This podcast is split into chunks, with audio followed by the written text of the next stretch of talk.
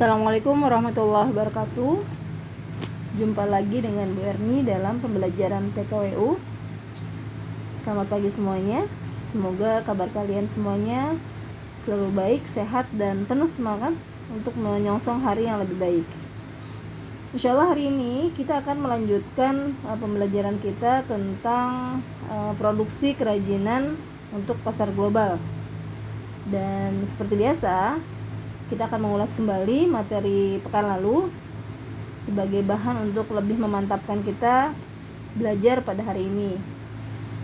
Siswa sekalian yang penuh uh, semangat, insya Allah um, materi pekan lalu kalian semuanya masih ingat kita belajar dan fokus uh, dalam hal merencanakan kerajinan untuk pasar global ya dan ternyata memang ada beberapa hal yang perlu diperhatikan dalam proses perancangan produk kerajinan itu sendiri ya. Oke diawali dari apa dulu? Pencarian ide kemudian pembuatan gambar atau sketsa ide.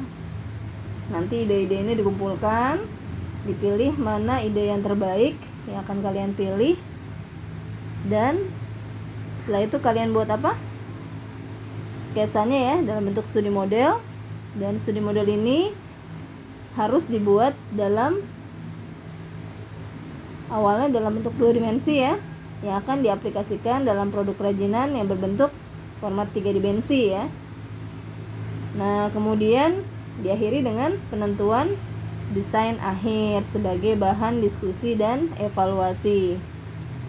Nah pastinya kalian kemarin sudah uh, sempat berpikir ya dan ada beberapa teman-teman kalian yang sudah uh, sharing pendapat di GCR ya.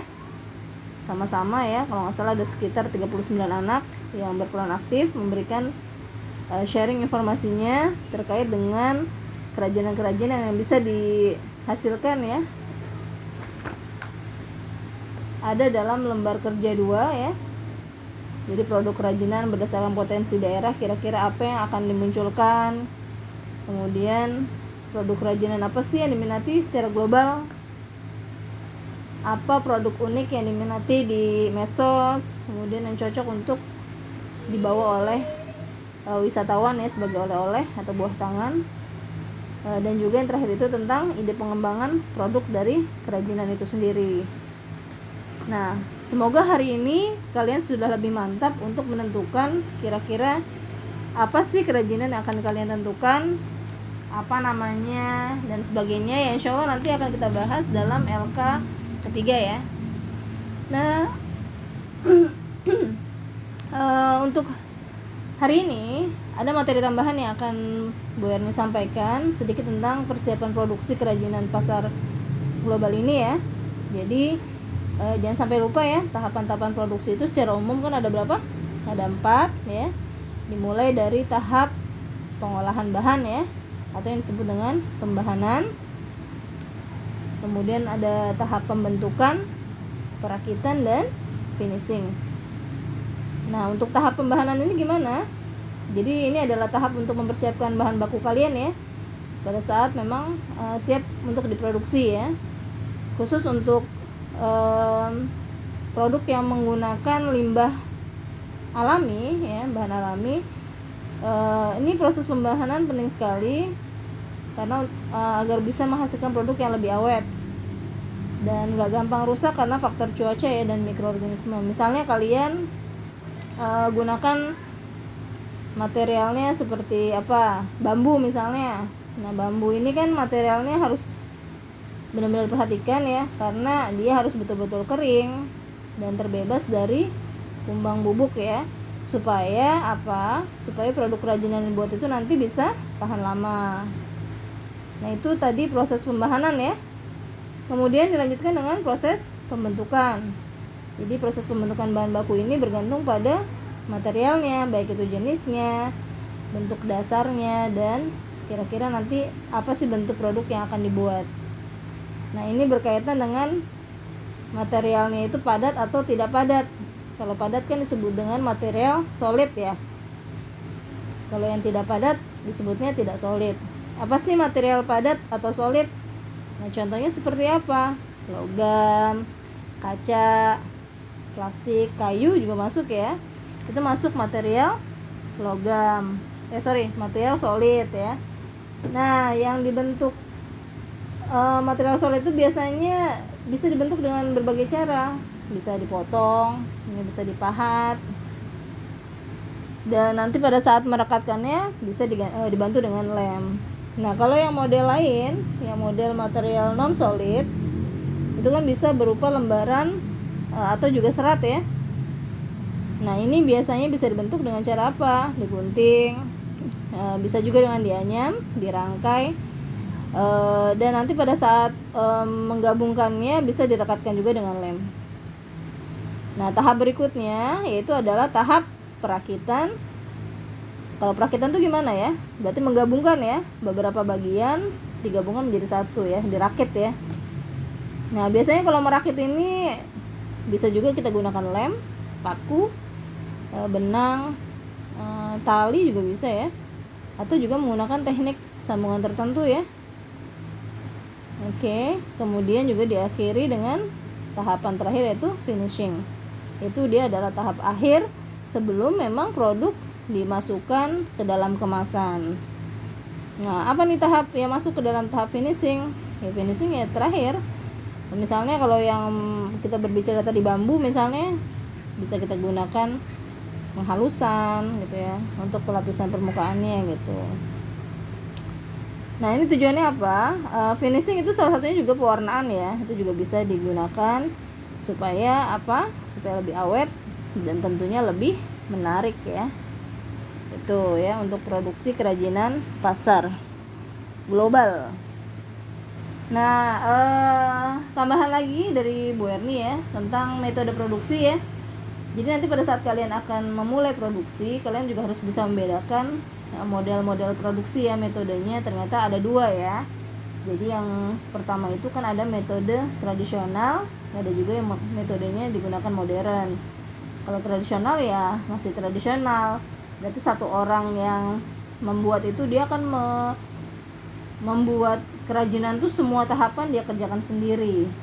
Ya jadi satu orang melakukan setiap tahapan produksi nah sedangkan kalau metode modern biasanya lebih profesional jadi per tahapan gitu ya jadi satu orang hanya e, melakukan satu tahap produksi Makanya ini biasanya kalau metode modern ini sering kita sebut dengan metode ban berjalan seperti yang ada di pabrik gitu ya. Kalau produksi pabrik itu kan gak berhenti ya, mesinnya terus berjalan ya, conveyor gitu ya. Nah ini biasanya e, menggunakan metode modern tadi. Dan metode ini pastinya lebih efisien ya, e, khususnya dari waktu. Apalagi kalau yang diproduksi itu jumlahnya banyak Nah kalau jumlahnya banyak, otomatis pakai metode tradisional kayaknya kurang pas ya, karena kan produksi dalam jumlah yang lumayan banyak itu kalau kita gunakan metode tradisional itu kayaknya butuh waktu yang lama. Kemudian juga e, untuk mendapatkan standar bentuk yang sama dari hasil produksinya, produksi kerajinan itu pasti akan sulit ya, karena setiap orang kan punya teknik dan gaya yang berbeda-beda. Ya, pastinya akan sangat mempengaruhi terhadap kualitas produk dan kelancaran produksi. Dan yang terakhir, pada saat uh, kita mau menggunakan sistem produksi ya, kalau kita sudah mau memproduksi suatu kerajinan, satu hal penting yang tidak boleh dilupakan adalah keselamatan kerja. Jadi uh, kelancaran produksi itu ditentukan oleh cara uh, tiga K-nya ya. Jadi kesehatan, dan juga keselamatan kerja. Nah, itu penting sekali. Jangan sampai sikap ini kita abaikan karena ini sangat mendukung kesehatan dan keselamatan kerja dan berpengaruh sekali terhadap hasil yang e, diperoleh. Insya Allah itu ya materi tambahan yang bisa Bu Yani sampaikan. Kita kembali kepada LK3 halaman 5 ya. Di sini kalian e, hari ini sudah harus bisa menyelesaikan lembar kerja tiga ini ya sebagai persiapan untuk kalian mulai memproduksi kerajinan uh, khas daerah untuk pasar global. Jadi dimulai dari silakan tentukan kalian mau buat apa ya berdasarkan itu yang kemarin ya. Ide-ide yang bisa kalian sudah dapatkan ya. Eh, kemudian tentukan nama kerajinannya apa. Terus tahapan produksi kerajinannya apa saja ya. Masuknya apa saja. Termasuk kira-kira kalian bisa menyelesaikan kerajinan itu dalam waktu berapa lama ya alokasi waktu untuk proses produksi. Jangan sampai lupa juga alat dan bahan yang dibutuhkan. Dan juga cara pembuatan kerajinan secara detail. Sudah ada kolom yang disiapkan ya di lembar kerjanya. Dan gambar rencana kerajinannya juga harus dibuat. Dalam kolom kecil itu mudah-mudahan kalian bisa manfaatkan dengan sebaik mungkin. Oke okay, insya Allah hari ini uh, tugasnya itu ya ada satu um, bahasan yang ingin saya angkat di forum diskusi hari ini. Ya silakan nanti kalian uh, jawab ya di sana. Kira-kira kerajinan khas daerah apa yang banyak diminati pasar global ya. Kira-kira kerajinan khas daerah apa yang banyak diminati pasar global? Memiliki keunikan lokal tetapi dia juga memiliki unsur modern. Coba sebutkan eh, masing-masing uh, orang uh, tiga ya. Jadi saya ulang lagi. Silakan tentukan tiga kerajinan khas daerah yang banyak diminati eh, pasar global memiliki keunikan lokal ya jadi dia punya keunikan lokal tapi memiliki unsur yang modern ya. Silakan tiga jawaban itu saya tunggu di uh, forum diskusi ya. Yang mau aktif berperan serta monggo silakan. Saya tunggu ya. Oke saya tutup pembelajaran hari ini.